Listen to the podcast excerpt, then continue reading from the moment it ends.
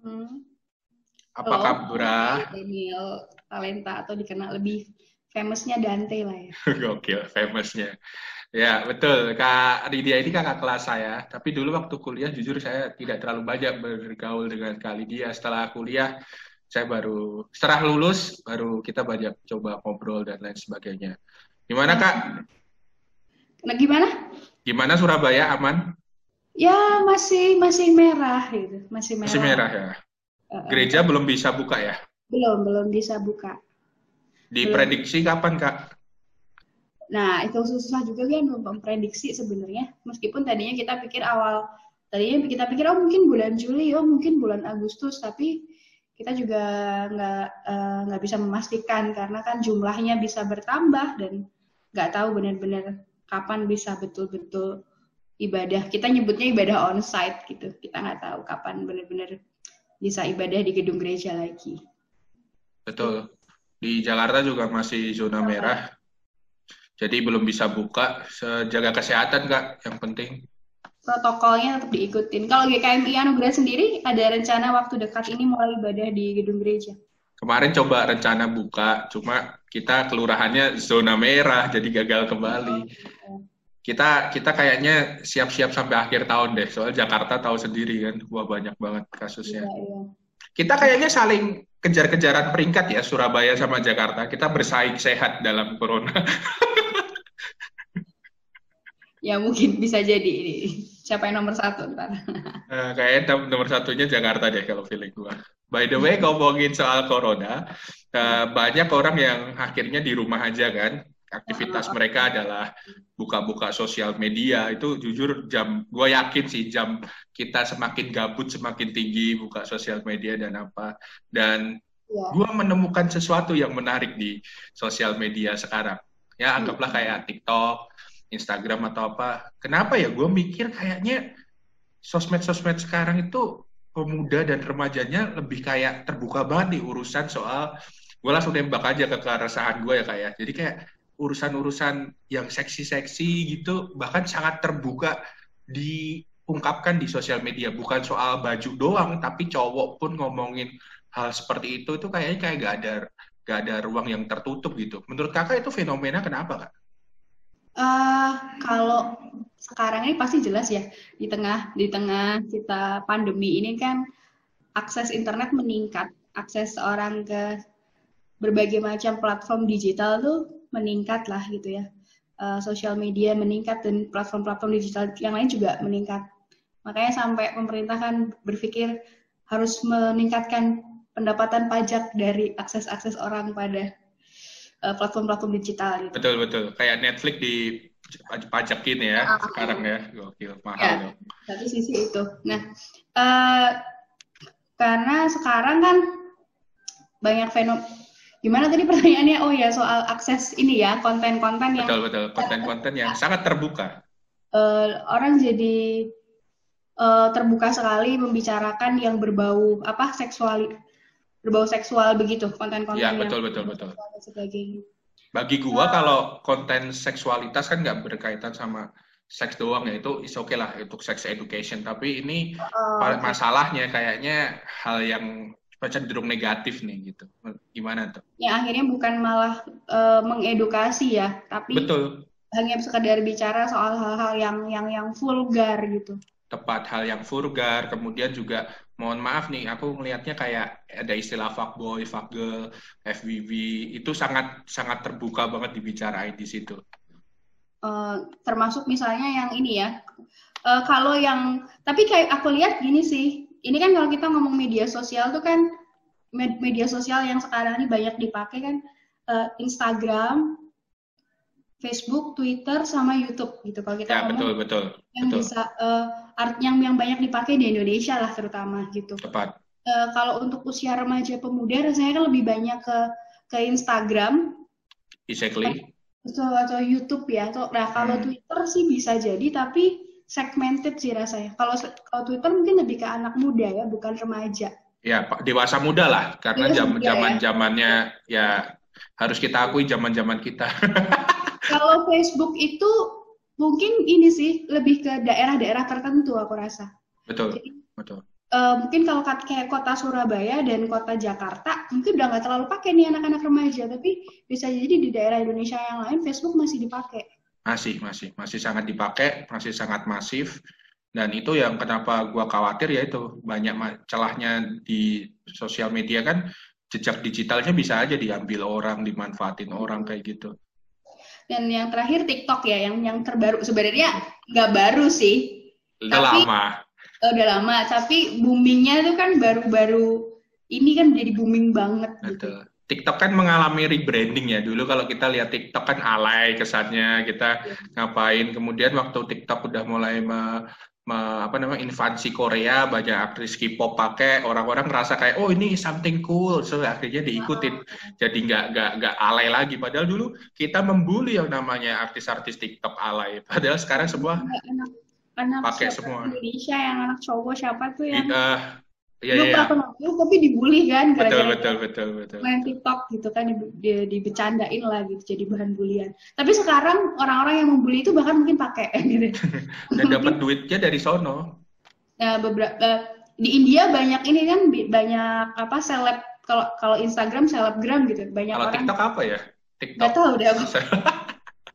betul, betul. Jadi orang jadi apa? Jadi ter, jadi lebih terkenal, jadi uh, popularitasnya meningkat karena konten-konten di TikTok sampai dan tapi belakangan di India sendiri TikTok akhirnya malah di ban gitu kan? Ya, terlepas dari itu tadi masuk digit apa keresahanku ngomongin jejak digital itu ternyata katanya ya. Jadi ini masih saya belum bisa membuktikan secara nyata tapi masuk akal juga kalau platform digital itu bisa untuk digunakan hal-hal mungkin untuk spionase ngelacak data kita dan lain sebagainya foto dan lain sebagainya.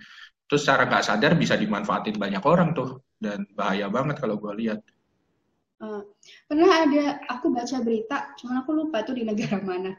Hmm. Uh, jadi ada satu sampai peraturannya itu memang kalau di India kan memang aplikasi itu dilarang untuk dipakai. Nah yep. di negara yang lain larangannya itu uh, anggota parlemen dilarang untuk main TikTok. jadi kalau yang di India kan memang untuk satu negara itu dilarang. Betul gitu. betul. Kalau ini khusus ya. Orang ya orang sekarang tuh makin dilarang, makin cari cara untuk gimana uh, melanggar larangan itu gitu ya. Makin dilarang tuh yeah. belum tentu kan makin taat dan patuh, tapi makin cari cara gimana sih supaya bisa melewati larangan itulah. Kalau misalnya apps-nya itu dilarang gitu kan orang malah cari mungkin apa pakai VPN atau apa gitu supaya bisa tetap akses. Tepat sekali. Itu makanya kan kalau aku berpikiran sih Kak, maksudnya apakah itu psikologi remaja yang apa yang semakin dilarang, mereka semakin ngerasa aku bisa jadi cool nih kalau gue bisa nerabas hal yang dilarang itu. Akhirnya mereka me, me, melakukan hal-hal yang harusnya nggak di tempatnya kan?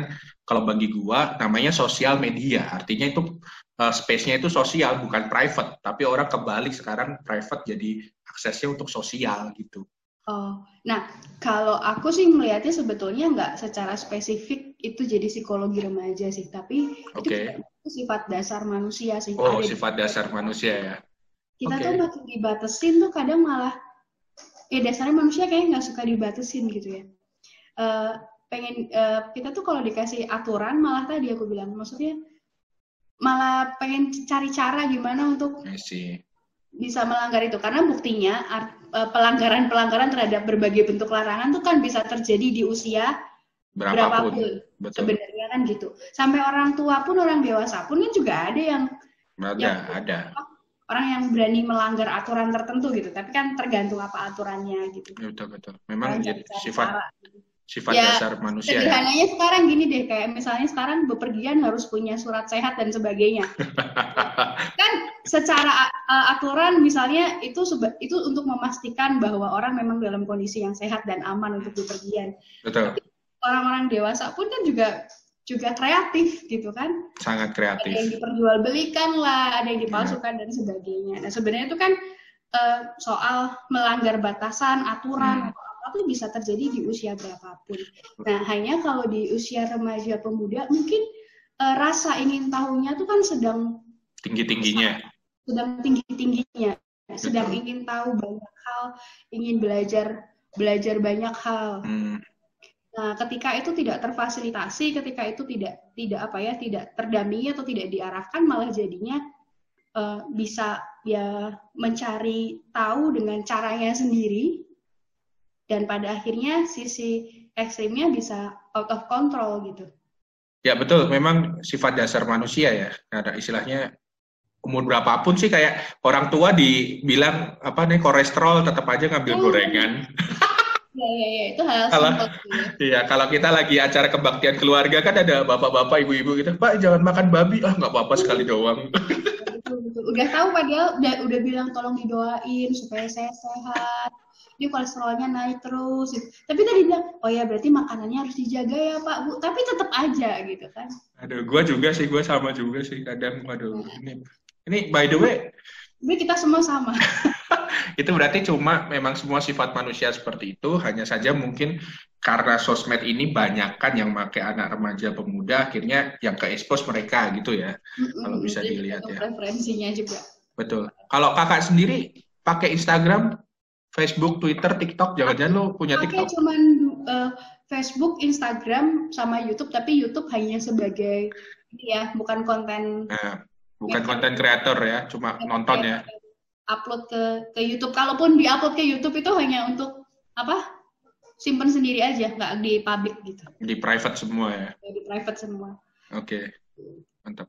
Kalau di apa namanya di tempat kakak di Surabaya sana, kalau ngomongin soal tadi kan gua gua gua serius penasarannya adalah kalau gue di Jakarta ini entah kenapa gitu gue ngerasa resah banget nih sama sosial media yang kontennya menurut gue usianya belum saatnya untuk seperti itu tapi mereka udah. Jadi gue ngerasa kayak nggak gitu deh harusnya gitu. Tapi kalau di Surabaya sendiri teman-teman remaja pemuda juga udah sama kayak di Jakarta nggak sih stylenya mereka?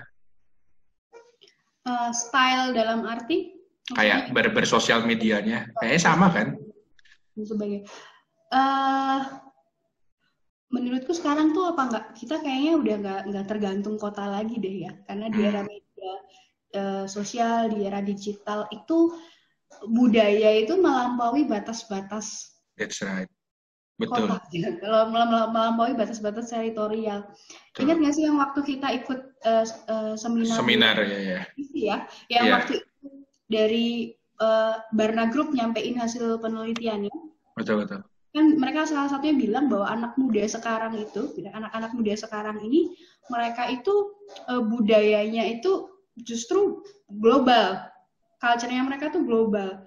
Mereka lebih lebih relate dengan anak-anak muda lebih terkoneksi dengan yep, anak muda di seluruh penjuru dunia gitu dan tanda kutip daripada uh, budaya setempat mereka tinggal sendiri gitu yang artinya yang budayanya culture-nya orang-orang tua ya hmm, betul ya, rasanya kan kita pernah uh, dapat seperti dapat, itu. Dapat.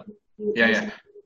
Jadi bukan kota lagi, tapi mereka lebih ke uh, medianya dia yang akan membuat culture-nya dia gitu kan. Ya. Betul betul. Mereka lebih terbentuk lebih apa ya? Mereka membentuk culture mereka sendiri dan dibentuk juga oleh media itu. Gitu. Iya betul. Media yang mengubah banyak hal di sana. Nah ini yang gua takutin, makanya ini yang gua jujur gua nggak tahu sih apa gua yang over over takut atau gimana, tapi gue ngelihat ada potensi bahayanya nih kalau mereka nggak sadar bahwa sosial medianya mereka itu ini public space gitu loh, bukan private space gitu. Gue cukup cukup cukup khawatir sih kalau mereka nggak sadar itu, wah itu bisa nanti waktu mereka gede bisa ngerasa kayak wah aib gue di sana semua tuh. Itu atau enggak gitu ya? Iya, justru. Uh, gini, Eh, kalau menurutku itu juga juga tergantung ini ya. Setiap negara itu isu privasinya bisa beda sih. Beda. Uh, kamu kan pernah tinggal di Korea gitu kan? Yep. Hmm. Beda gimana cara uh, apa gimana kebiasaan orang Korea dan orang Indonesia tuh ngomong soal privasi itu kan beda banget termasuk jauh banget jauh banget kak ketika upload apa hmm. konten-konten di sosial media mereka kan beda gitu. Kalau ngelihat artis Korea aja kalau ngupload misalnya mereka cuma upload muka mereka aja. Ketika ada betul. orang sekitarnya mereka blur. Betul betul. Bahkan selama orang lain itu nggak mengizinkan kan? Betul selama orang lain mengizinkan. Bahkan kemarin baru aja kasus ada istilahnya eh, PH itu harus bayar ganti rugi karena nggak sengaja muka orang itu masuk gitu. Oh, gokil iya. banget loh.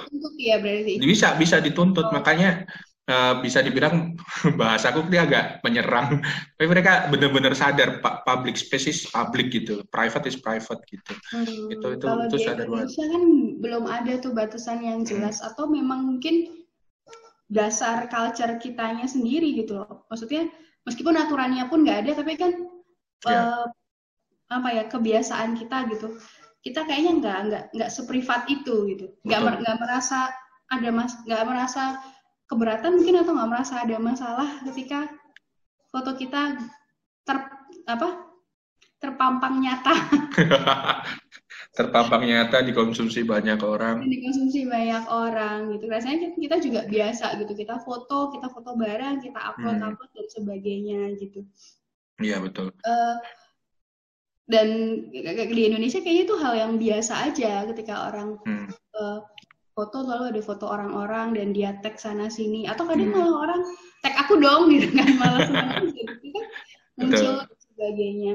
Masing eh, masing-masing itu pasti punya kelebihan dan kekurangannya sih. Tapi jelas bahwa ketika kita masuk dalam uh, dunia sosial media sebetulnya isu isu privasi itu menjadi hal yang yang penting untuk orang orang pelajari gitu.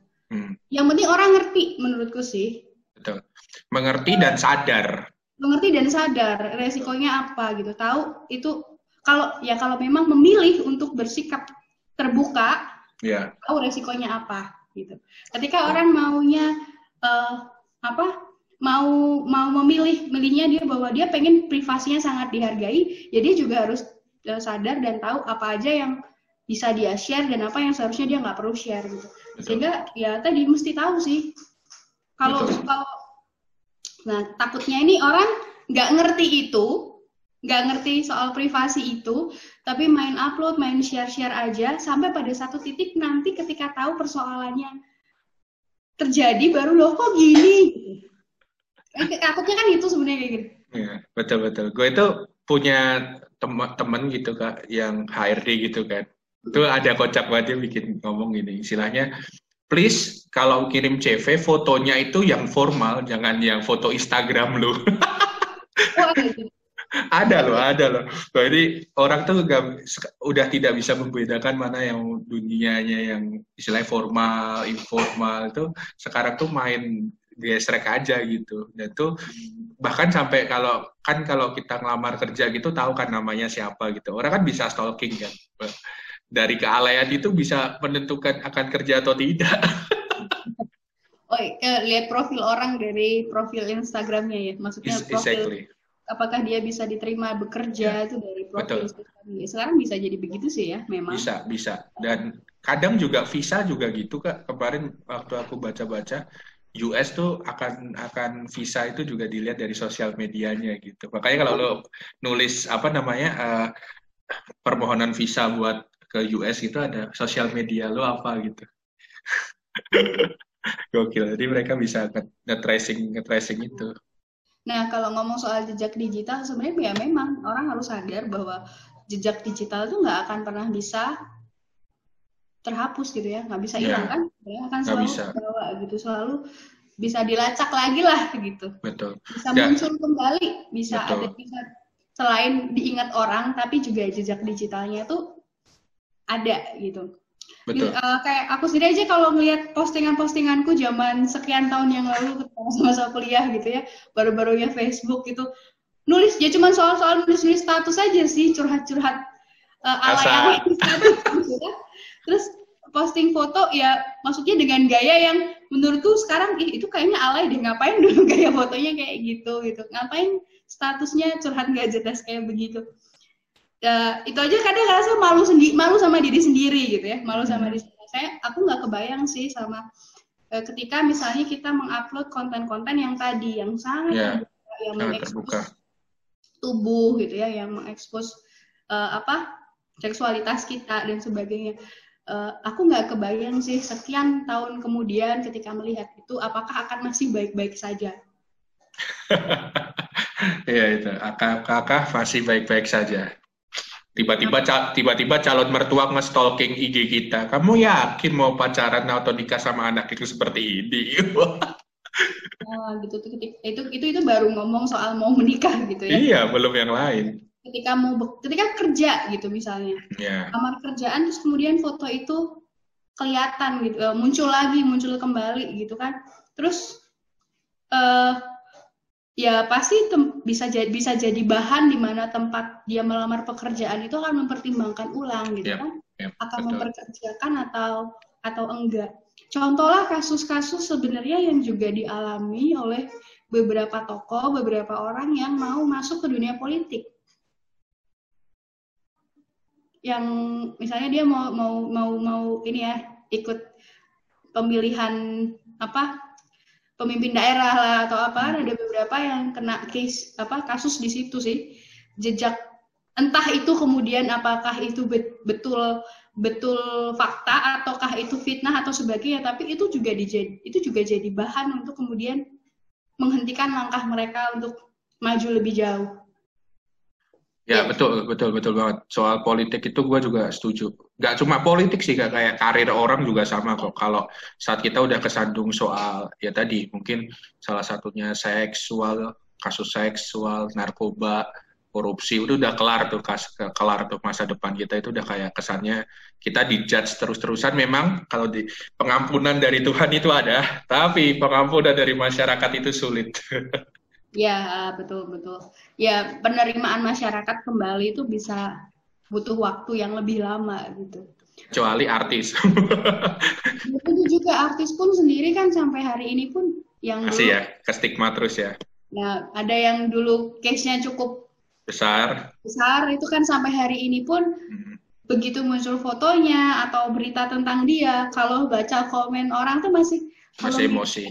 Masih selalu terbawa yang dulu-dulu gitu. Tepat. Kasusnya yang dulu-dulu padahal kasusnya udah sekian lama gitu. Ya, aku juga nggak kebayang sih nanti kalau mereka misalnya sudah memulai hidup yang baru dengan keluarga yang baru, punya anak dan sebagainya. Betul. Satu kali anaknya lalu baca dan dan dan, dan semacamnya itu kan hal yang itu loh ngerinya jejak digital tuh sampai Betul. di titik itu bahkan gitu sampai anak cucu pun gitu ibaratnya masih bisa ya masih bisa dan ke bawah-bawah ya, ya itu sih ngerinya jejak digital tuh di situ sih Betul. Kesadaran nah, kita harus selalu setiap orang tahu sebelum memutuskan untuk mengupload atau uh, memposting sesuatu di sosial media apa pun. Mau ah. Facebook, Instagram, TikTok, YouTube, Betul. atau apa pun gitu. Dan sebenarnya TikTok, YouTube, aku nggak ngerti, aku nggak baca yang TikTok kayak Facebook, email itu kan sebenarnya dimulai dari kita sign sign up, kemudian kita sadari bahwa usia kita kan ditanya kan lahir kapan itu kan sebenarnya batas usianya 17, 18, tapi yang daftar uh, bodoh amat. ya memang sih. Ke, usianya di itu, usianya ya. di, di, di apa ditambah gitu. Ditambah betul. Memang perlu kedewasaan dalam bersosial media ya kayak ya. Jadi kita perlu sadar itu ya. Iya, sebelum kita mengupload segala sesuatu. Nah, kita kan sebenarnya setiap kali kita pakai sebuah aplikasi itu kan selalu ada privacy. Ya, tepat. Security. Ada ya. ada kebijakan-kebijakan. Ibarat itu kan itu kayak perjanjian kita dengan si pembuat apps-nya gitu kan? Betul. Penyedia penyedia itu apps-nya itu. Gua ada. Jadi, betul, uh, betul. Kita kita setuju nggak? Kita sepakat nggak dengan segala hal yang yang mungkin akan terjadi ketika kita mendownload, kita menggunakan apps itu dan kita memakai apps itu sebagai media sosial kita dan sebagainya gitu. Nah sebenarnya itu kan ada ada ada konsekuensinya gitu. Nah tapi kan aku rasa itu hal yang belum tentu dibaca semua orang. Cuma di scroll terus skip. Agree pokoknya. Agree, pokoknya soal skip. Agree benar. Gitu. Pokoknya agree aja gitu setuju yeah. aja gitu. Betul. Nah, masalahnya setuju itu apakah memang kita tahu atau asal setuju gitu loh. Nah, itu kan hmm. yang yang yang yang perlu kita perhatikan sebenarnya. Tepat, tepat sekali. Wah, mantap banget nih. Jadi ini buat yang dengerin ini nih mantap nih. Kita perlu aware sama yang namanya jejak digital kita. Uh, by the way kak, gue mau nanya ini nih, ini lebih ke pastoral, gokil gokil. Wah, istilah jalur, istilahnya pastoral kan pendeta kan, kakak pendeta bisa. Ngobrolin soal tadi yang kita udah ngobrolin, ngomongin soal jejak digital, potensi sex abuse di dalamnya, bahkan gak cuma itu, mungkin kita malah jadi tergoda untuk melakukan dosa gara-gara hal itu gitu.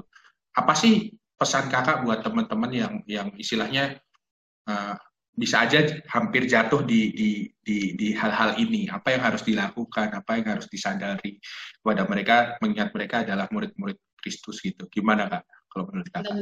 Uh, dosanya dosa apa dulu? Eh iya pasti dosa zina dong kak. Masa yang lain. Oh.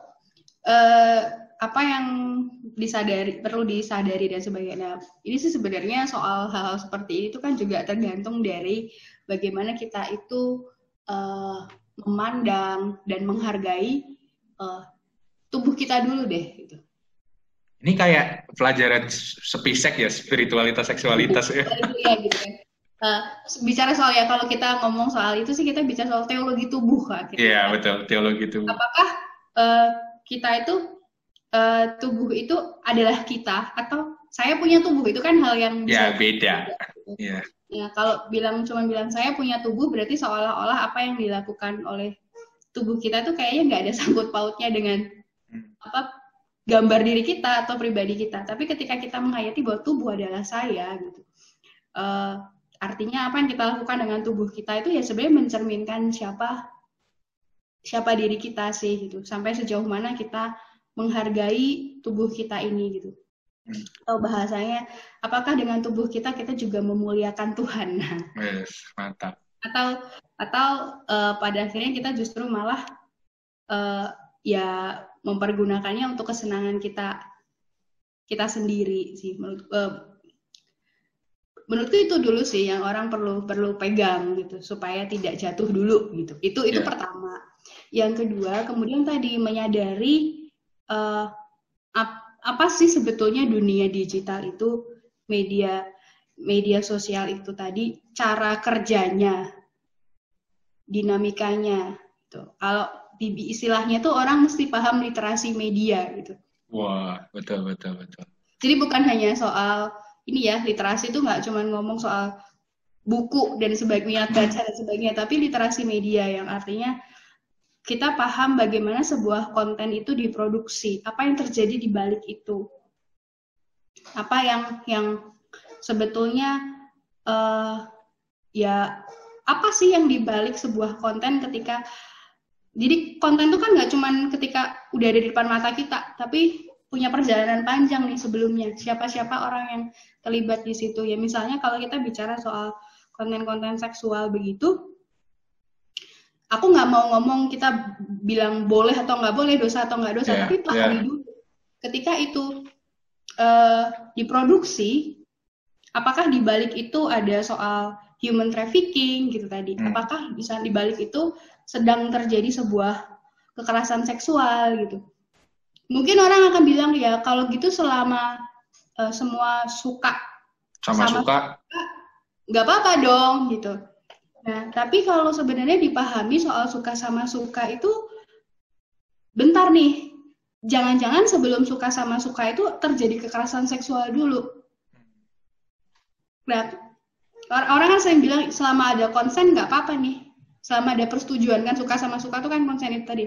Uh, uh, masalahnya jangan-jangan sebelum suka sama suka itu orang dipaksa dulu atau orang kan banyak juga case yang terjadi pada itu sering terjadi pada usia remaja sih menurutku lebih ya remaja pemuda gitu ya. Hmm.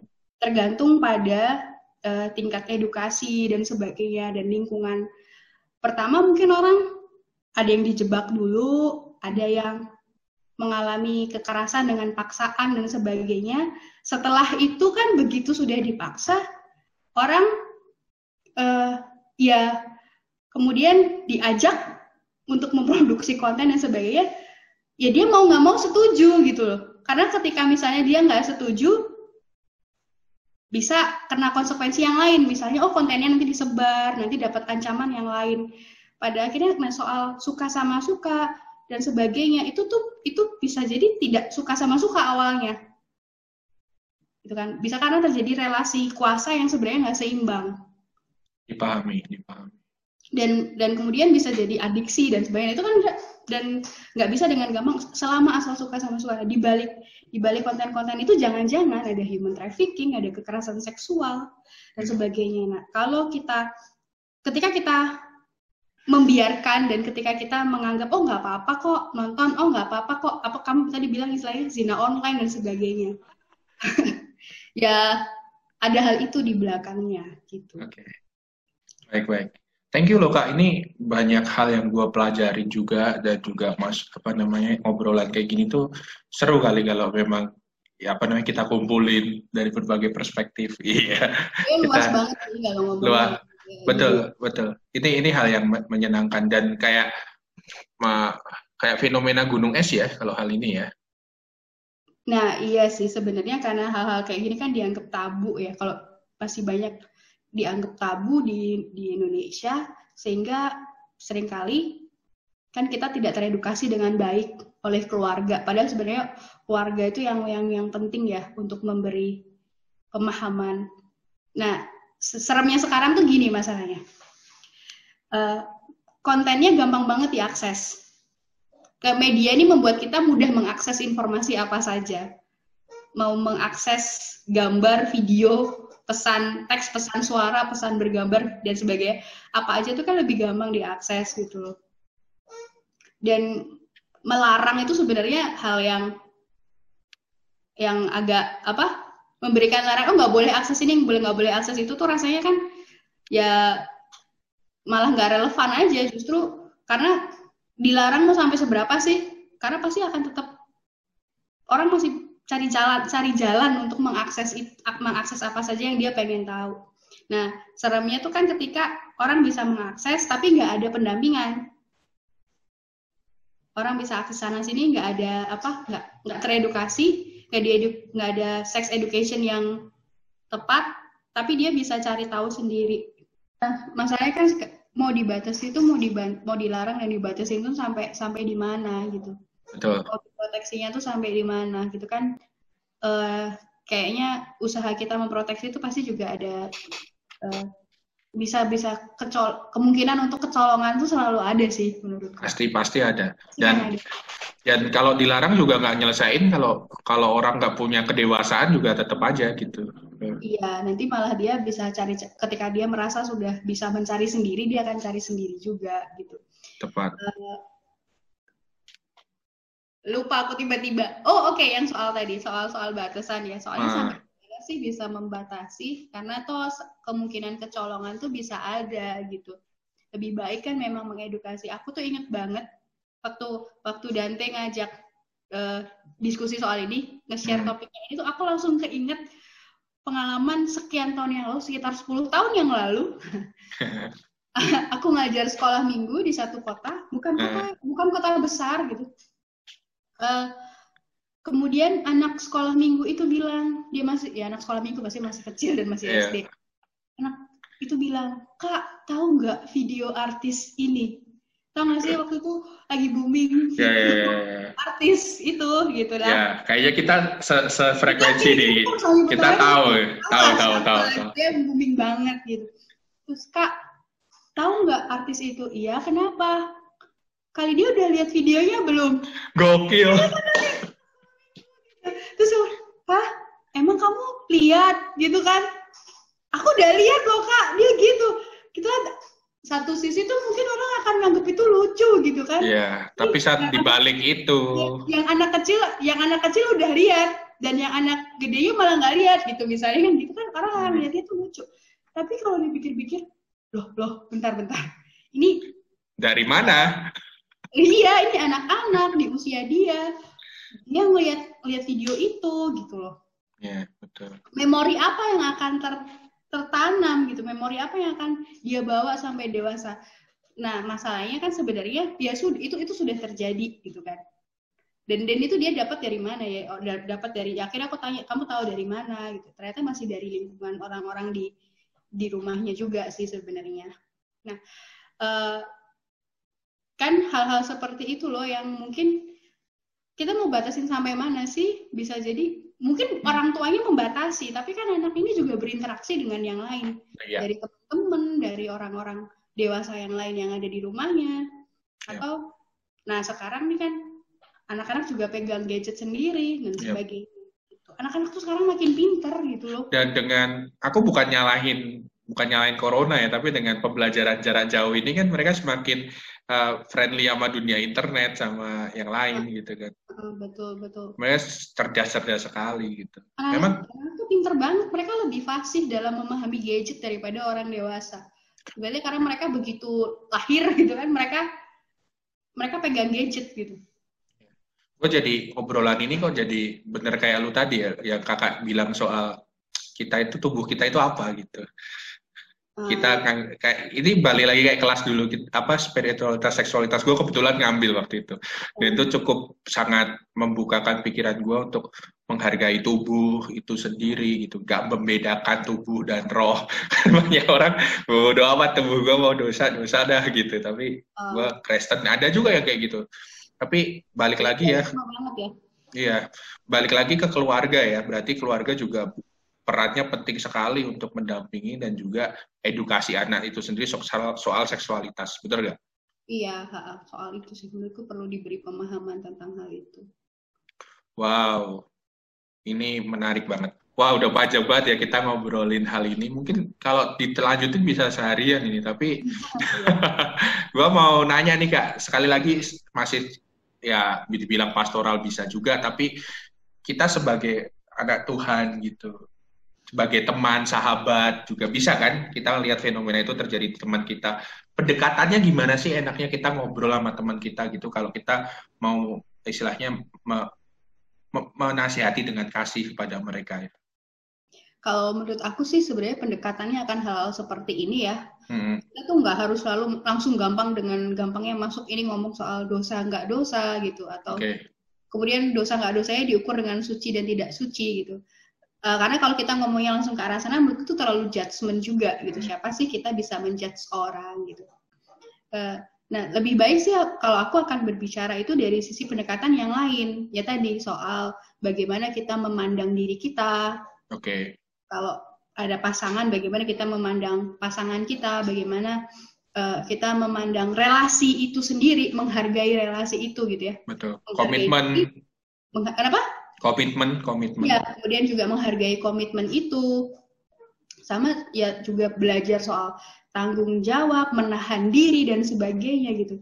Enggak semua hal itu kan harus didapatkan hari ini gitu. Iya, betul. Kok iya, jadi hal yang justru lebih baik ketika itu waktunya juga tepat gitu gue jadi inget kelasnya Bu Tapita dulu deh. Ibu, Apa ini? Ibu, ibu itu pernah bilang gini, kalau di waktu itu waktu di kelas psikologi remaja sih gue, mm.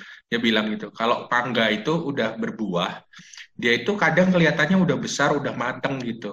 Giliran kita petik, eh ternyata masih asem. Terkadang kita perlu sabar nunggu waktunya sampai kita benar-benar matang. Dia bilang Jadi, gitu. Kalau dipaksain malah sakit. Betul, gokil itu wah itu ini jadi kayak refreshing eh refreshing apa namanya flashback kuliah-kuliah kita. Iya, iya, iya. Waduh, oke, okay. thank you banget loh kak waktunya, gue bisa merampok waktu. Ibu pendeta ibu pen hal ini gitu. siap siap ibu pendeta yang sibuk banget kayak ya, di Surabaya sana. Enggak sih. ada yang sibuk hari ini? Oh, sibuknya sibuk ngedit kalau oh, saya. oh iya betul. Sama sama sibuk oh, sama ngedit juga digital gitu konten untuk media. Ya, gua gua berdoa supaya kiranya kakak pelayanannya sama teman-teman di sana di GKI di Ponorogo bener ya? Iya, betul. Terus terus lancar, semangat, sehat di tengah Covid ini dan jadi berkat di di waktu-waktu ini. Oke, semoga Dante juga pelayanannya semakin baik, jadi Thank berkat you. juga juga buat GKI eh, GKMI Anugerah. Wes, mantap. Terima kasih, Bang. Saya merasakan anugerah Tuhan dari GKMI. Yes. Betul dong, karena ya denger dong. thank you, thank you, thank you banget buat waktunya kak ya, thank you. Ya, ya itu itu aja teman-teman di podcast kita hari ini. Tetap stay tune di dengar anugerahnya. Setiap minggu kita akan ada konten untuk teman-teman bisa dengar di podcast dan kalau kalian mau request komentar, boleh komentar di bawah. Atau kalau kalian mau tergabung di kelompok-kelompok kecil kita, kalian bisa hubungi nomor di samping ini supaya kita bisa bicara dari hati ke hati untuk dengar anugerahnya. Terima kasih. See you and God bless you. Tuhan berkati.